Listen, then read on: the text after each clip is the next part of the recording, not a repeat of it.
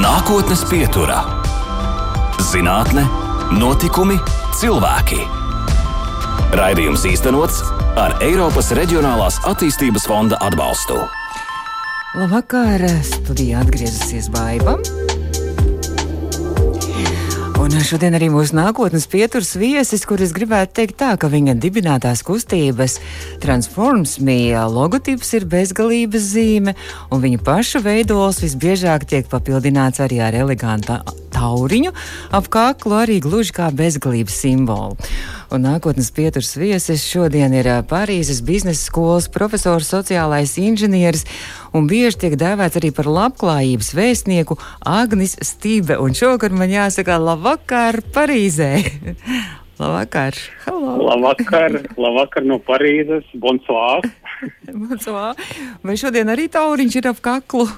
Kā bezgalības zīme? Šajā brīdī Jā, šajā brīdī nav, bet tas ir ļoti labi pamanīts, jo tas ļoti labi arī saskan, jo tā visa mūsu būtība un mūsu daba vienmēr ir uh, līdzsvarā. Es domāju, šī gadījumā ļoti labi ir pamanīts, ka šī bezgalības zīme viņa ļoti labi uh, saskana tauriņu, un, un tas tā ir tāds mans vēstnesis arī tad, kad es uzstājos un uzlieku šo tauriņu. Prieks par šo, ka pamanījāt. Jā.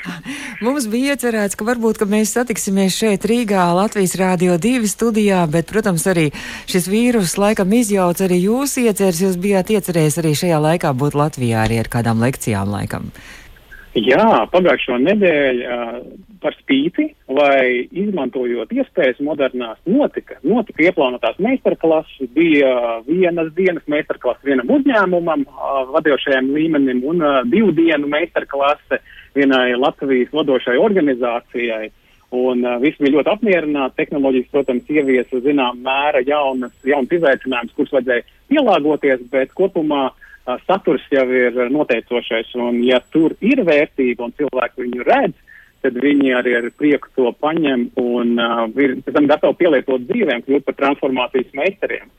Par to transformāciju runājot, es domāju, ka šodien arī droši vien būtu tāda transformācijas meistarklāsa arī mūsu klausītājiem. Es arī vakar video dažus paskatījos, bet vispirms sāksim ar to, kas ir, ja jūs pieteicat kā sociālo inženieru un kā jūs līdz tam nonācāt un kas vispār ir sociālais inženieris.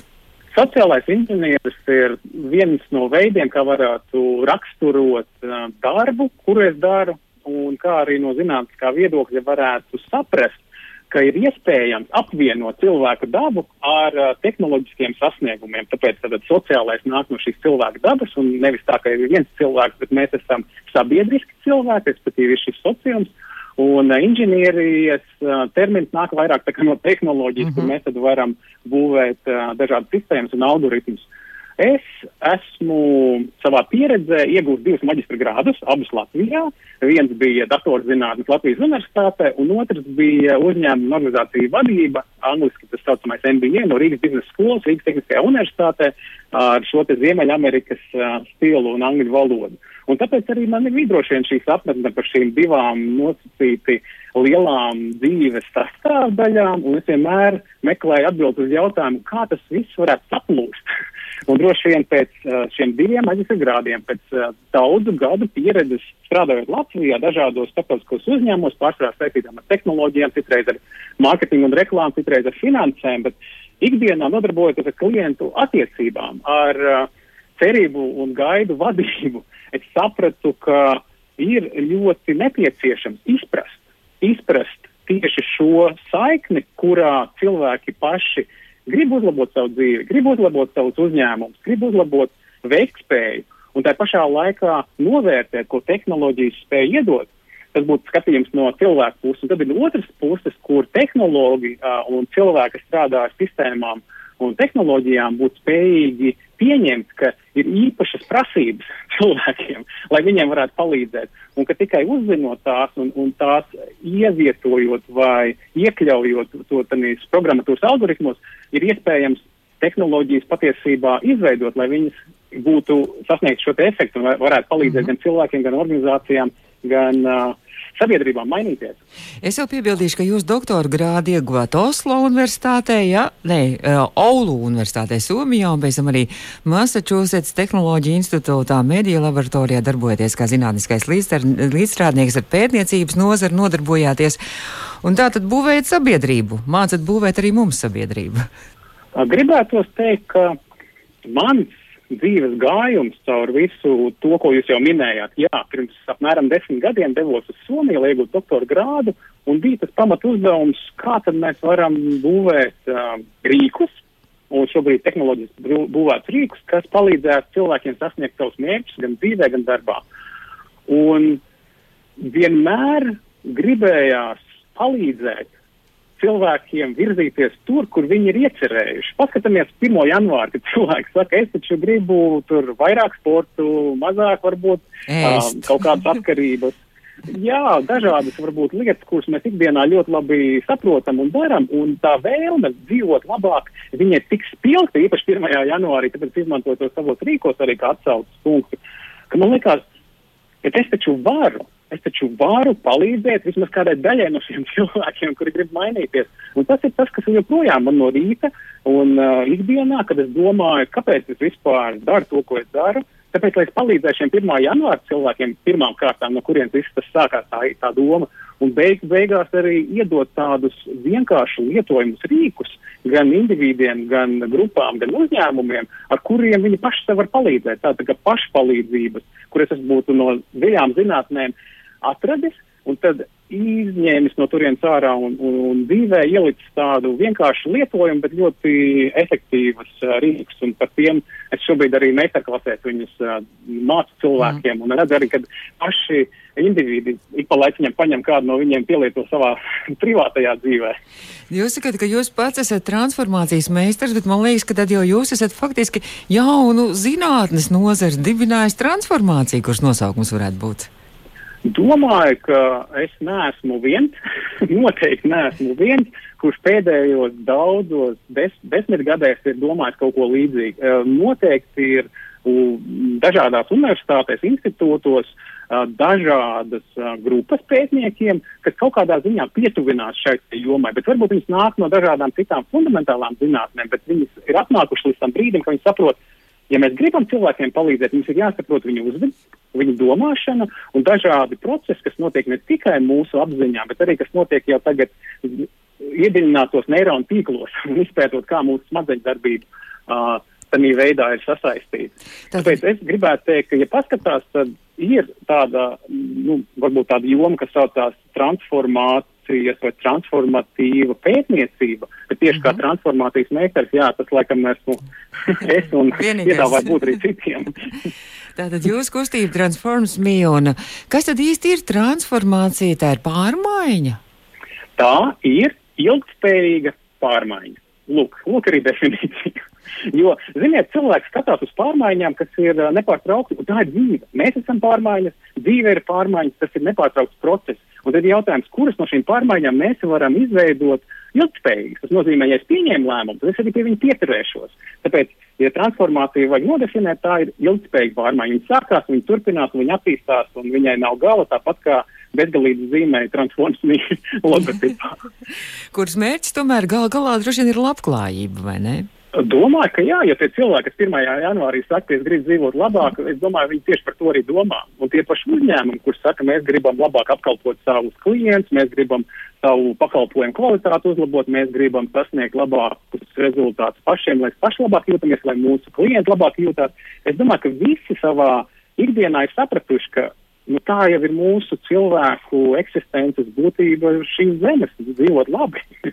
Mūsu klausītāji droši vien grib labi dzīvot, un es saprotu, ka jūs esat izstrādājis arī tādu īpašu teoriju par šo transformācijas mākslu, kas balstās it kā uz tādiem astoņiem vaļiem vai astoņām pamat sastāvdaļām. Ja mēs varētu tā pavisam īsi klausītājiem, droši vien, ka mēs detaļās to nevaram, bet jo klausītāji vēlas, tad jau droši vien paši arī tālāk palūkosies un paskatīsies, ko jūs mācat, bet ja jūs tā īsumā varētu šīs astoņas pamat sastāvdaļas atklāt arī mums? Nu, tad aiziet. Pirmā ir ener, enerģijas inteliģence. Ir sapratne par to, ka cilvēks nav akumulators un nevar uzkrāt enerģiju ne pārtiks veidā, ne kādā savādākā veidā. Cilvēks vienīgais, ko var izdarīt, ir uzlabot savas spējas, konvertēt citas pieejamās enerģijas, kā pārtiku, kā naudu, kā dabas resursus. Tas pirmais. Otrais, katram cilvēkam ir dabā ielikt transformācijas gēns. Nevis tā, ka viņš tieši ģenētikā, bet tādā izpratnē, ka mūsu organisms ir izgājis cauri visām pārmaiņām evolūcijas laikā. Viņš zina, kas ir transformācija, un vajag tikai to gēnu aktivizēt. Tas ir numur divi. Mm. Numur trīs.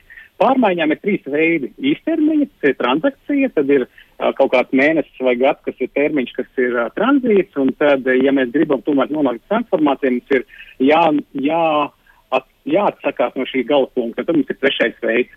Tad trīs pārmaiņu veidi, lai zinātu, kā viņi atšķirās ikdienā. Ceturtais ir uh, vektorālā transformācija. Tas nozīmē, ka mēs esam sapratuši, ka no šī brīža mēs mainamies, un tas ir bezgalīgs process. Šī vektors var būt nākotnē, tas palīdz uh, tieši saglabāt šo ilgspēju mūsu. Tad piektais ir neironu zinātnē, mākslīgais intelekts, kā jau minēju, sasaistīts ar to, kāda ir mūsu smadzeņu plastiskums. Sestais ir sabiedrības ietekme, kā spēcīgākais motivators not pretī veciem un varbūt netik efektīviem rīkiem kā burkāns un pārceļi.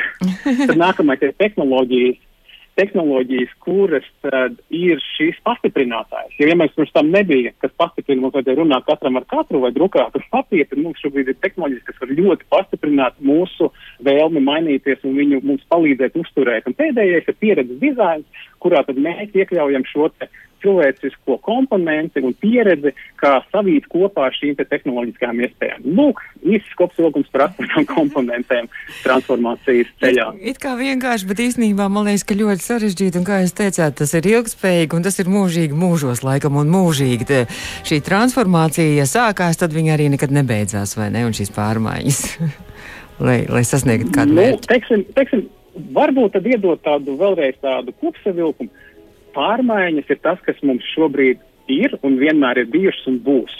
Un atšķirība ir tāda, ja mēs gribam būt pārvaldnieki šīm pārmaiņām, ja mēs sākam gribam pārvaldīt īpaši savā dzīvē vai savā uzņēmumā, tad mums ir jāsaprot, ka ilgspējīga pārmaiņa ir šī transformācija un mums ir dota iespēja iemācīties viņu pārvaldīt. Tāpēc tā pārmaiņas ir un būs, bet tad, ja mēs zinām, ko ar to darīt, kā rīkoties un kā viņus panākt ilgspējīgi, tad mēs kļūstam par transformācijas meistariem. Mēs turpinām nākotnes pieturu jingliņš. Nākotnes pieturā. Profesori, gribēju jums vaicāt, jums ir liela pieredze, droši vien arī praktiskā pieredze veidot šīs meistardarbnīcas meistarklases. Nu, ir tādi cilvēki, kur tā saka, jā, it kā es gribu pārmaiņas, bet droši vien, ka savā iekšējā būtībā varbūt viņi nav gatavi tām pārmaiņām, vai īsti negrib, vai nevar, vai varbūt slinkums ir arī tāda gadījuma mēdz būt. Gribētos būt pavisam tiešam, Un es domāju, tiešums palīdz cilvēkiem, pat tad, ja viņiem nepatīk tiešums. Kāpēc cilvēki nonāk grūtībās ar savām pārmaiņām? Tāpēc, ka cilvēki bieži izvēlās sev melot. Viņi saka, es gribu mainīties, bet tie ir meli, ko viņi sev stāsta, lai kaut kādā veidā aizbildinātos un nezinu, vai nu sev, vai nu saviem veciem paradumiem, vai kādiem citiem cilvēkiem, kā iedot to sajūtu, it kā redz, kur es esmu, redz, kur es esmu gatavs. Un kas notiek pēc tam? Viņi parasti saka, jā, bet man nav laika, bet mm -hmm. man mhm. nav iespējas, bet man ir tālu, bet man ir vēlu. Man nav naudas. Un, Jā, un, un īstenībā tas tikai parāda to, ka viņi ir ļoti iemācījušies ticēt saviem meliem. Un es to gribu teikt ļoti skaļi un ļoti tieši. Es domāju, tas ir vienīgais, ko cilvēki, lielākais ļaunums, ko cilvēks var izdarīt, ir melot sev. Bet, ja viņi ir godīgi, tad viņiem ir pieejami rīki, pieejama dažāda veida iespējas un uh, tik daudz piemēru, kas ir tik daudz pārmainījušies, ieskaitot es, paskatoties atpakaļ uz savām pārmaiņām, ko es bieži stāstu. Visiem viss princips dodas dabā ir gribu vai negribu. Dalai-Lama arī ir teicis, patiesās pārmaiņas notiek tevī pašā un atstāja ārpasauli tādu, kāda tā ir. Skaties uz sevi, vai ne? Lielā mērā um, piekritīšu, Jā. jo ir tas um, dabas uh, ritējums, un ir tik daudz lietas, kuras nav mūsu pārvaldībā. Tā, tie meli ir tādi, ka mēs varam izmainīt daudz ko ārpusē, uh, nemainot sevi, bet uh, t, t, tas ir tie, tie, tie meli, jo patiesībā, ko mēs varam kaut ko simtprocentīgi pārvaldīt, nu, tādā ziņā. Attieksmes ziņā un domāšanas ziņā tas ir mūsu iekšpusē, un mēs vienmēr varam atrast labākus veidus, kā sadzīvot ar ārpasauli. Massachusetts Tehnoloģija institūtā, mediju laboratorijā jūs arī saprot nodibinājāt pārliecinošas pilsētvides pētniecības nozari un par to motivējuši apkārtējo vidi arī droši vien arī daudz ko pētījāt un arī varat mūsu klausītājiem arī pastāstīt. Jā, tad, kad es devos no Somijas ar iegūtu tikko svaigi doktora grādu, es gāju uz šo zinātniskās pētniecības ceļas turpinājumu, jā, vienā no prestižākajām tehnoloģiju institūtiem pasaulē, Massachusetts Tehnoloģija institūtā, un tur ir tādas ļoti daudz dažādas uh, struktūra vienības, un viena no tām saucās mediju laboratorija, kas viņai ļoti labi, viņi bija ļoti pietuvināti realitātei un biznesam un, un dzīvei, un es trāpīju, ne jau tā, ka trāpīju, bet tāpēc, ka gribēju. Uh, tādā mm, grupā, kas nodarbojas ar pilsētvidas attīstību. Tad viņi būvēja uh, dažādus risinājumus, uh, kā pārvietoties labāk, vai ērtāk, vai elektrificētāk, kā dzīvot mazākās dzīvojamās platībās. Tātad um, bija pētniecības grupā, kas nodarbojas ar pilsētvidas uh, attīstību un ieskaitot, tad, kā mēs varam uzlabot dažādu veidu norises pilsētvidē. Un, tā kā es pievienoju šai grupai, es, protams, es pielietoju, kā tad mēs varam mērogot, paplašināt dažāda veida tehnoloģiju pielietojumu pilsētvidē, lai uzlabotu pilsētvidas dzīvi. Un, un konkrētā gadījumā mēs strādājām ar riteņbraukšanu kā varētu iespējot cilvēkus, kuriem ir iespēja braukt ar divriteņiem, uh, izkāpt ārā no savām privātajām automašīnām, tomēr pabraukt tās varbūt divus kilometrus, ja viņiem ir divritenis un ja viņi to dara brīvdienās, kāpēc lai viņi labā laikā to neizdarītu arī līdz darbam. Un dažādos veidos vēl domājām, uh, kā tad mūsdienu arhitektūra pilsētvidē var būt pārklāta ar tehnoloģiskiem risinājumiem. Mēs taču zinām, ka pilsētvidē redzam liels ekrāns, vai ne? Mēs arī redzam dažādu veidu um, apgaismojumu. Un tas viss ir tā tehnoloģija, kuru var pielāgot, lai uh, dotu atgriezko saiti cilvēkiem par citiem cilvēkiem, kurš šobrīd, pieņemsim, brauc ar divriteņiem. Nu, bieži uzdod jautājumu, nu, ko Rīga varētu izdarīt? Jā, tādu praktiku. Tieši tā. Nu, saka, jā, zina, zinātne, zinātne ir liela, labklājība ir laba. Bet ko darīt? Es saku, ziniet, uz skolas ielas, nu, Rīgā ir skolas ielas, un tur arī atrodas Rīgas biznesa skola, kur, kuru es esmu pabeidzis. Un uh, tur ir riteņbraucēju skaitītājs. Un, ja pajautā cilvēkiem ikdienā, nu, kā jūs domājat, nu, cik vidēji uh, cilvēki pārvietojās ar divriteņiem, cik vidēji divriteņi pabrauc garām skolas ielu tādā vietā, tad uh, cilvēki tikai atliek minēt, Tie, kas brauc ar automašīnām, pieprasa savu zemāku ciparu, tie, kas brauc ar divretiņiem, piesauc nu, piecreiz, desmitreiz lielāks cipars. Bet kāpēc tad mums ir jāmin? Mums nav jāmin. Mums vajag atlikt, uzlikt vienu tādu ekrānu, kurš to ciparu parāda visiem. Visas debates atkrīt. Visiem tiem, kas domāja mazāk, tagad viņi saprot, ka ir vairāk. Visi, kas domāja vairāk, viņi saprot, ka ne, nav tik daudz. Bet katru dienu var redzēt nepārtrauktu, uh, momentānu atgriezko saiti. Un tas ir tas pilsētas vides spēks, kad mēs pilsētas vidē mums ir tik daudz labu cilvēku, kas uzvedās sev labklājīgi, sev labvēlīgi. Un gan ēšanas ziņā, gan pārvietošanās ziņā, gan uh, veselības ziņā, arī ziņā, droši vien. Veselības, sporta jā, ziņā. jā, Jūs arī. Meditācija tiem, kam patīk. jums arī bija arī tāds, es palasīju arī tāds uh, eksperiments, kur jūs tāds kioskus izvietojāt arī Amerikā, kur var izmērīt arī asinsspiedienu, pulsu, svaru, ķermeņa masu, vai tas, tas bija jūsu ideja, vai, vai, vai, vai tas jau pirms tam jau bija?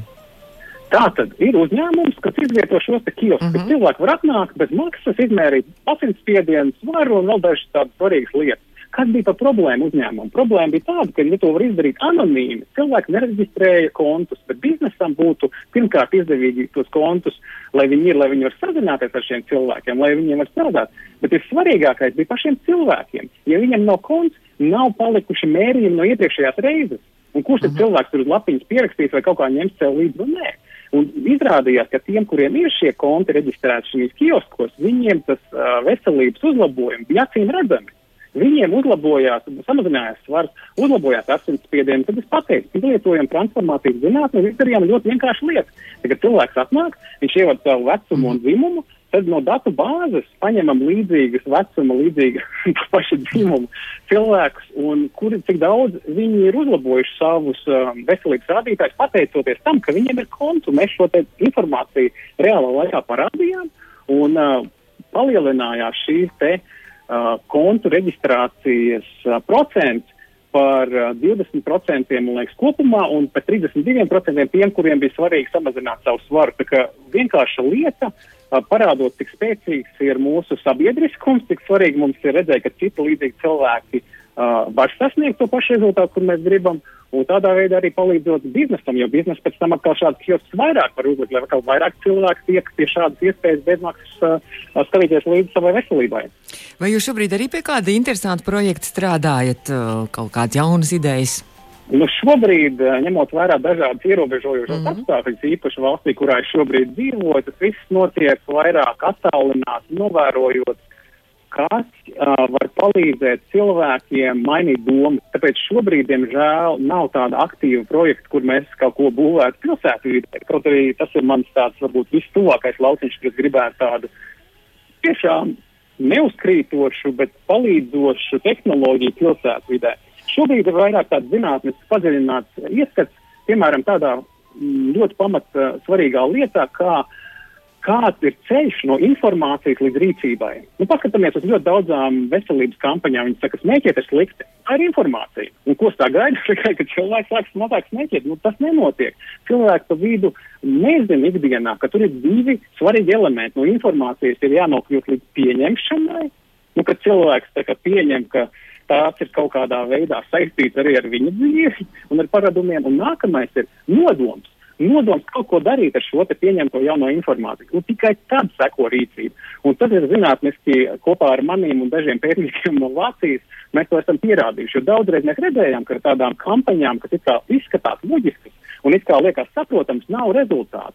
Un tikai tāpēc, ka nav ielikt šie te uh, katra cilvēka domāšana tādā tā kā, kā to saka, palīdzība, izvešana caur šim ceļam no informācijas līdz pieņemšanai, līdz nodomam, līdz rīcībai. Nu, tas ir tas interesantākais, ko mēs šobrīd skatāmies arī saistībā ar pandēmiju, kā, kā tas varētu palīdzēt.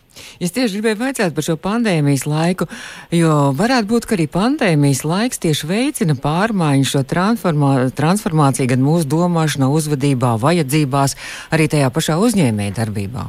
Pandēmija manā skatījumā ir lielais atgādinājums tas ir brīdis, kas pasaka, ka ja cilvēki un uzņēmumi ikdienā nerūpēsies un neveltīs savus pieejamos uh, enerģijas resursus kaut kādai vērtības pievienošanai, tad pandēmija atnāks un um, saliks visu pa vietām. Uh, diemžēl uh, es jau nesaku, ka tam bija obligāti jānotiek, bet es domāju, ka tie, kuri nebija um, sevi jau sagatavojuši un savu dzīvi sakārtojuši, ka viņi būtu ar prieku un ar laimi pievieno vērtību kaut kādam svarīgam uh, lietām sev vai citiem kā uzņēmums, tad viņi arī varbūt visvairāk um, nu, tiks skarti šī pandēmijas laikā.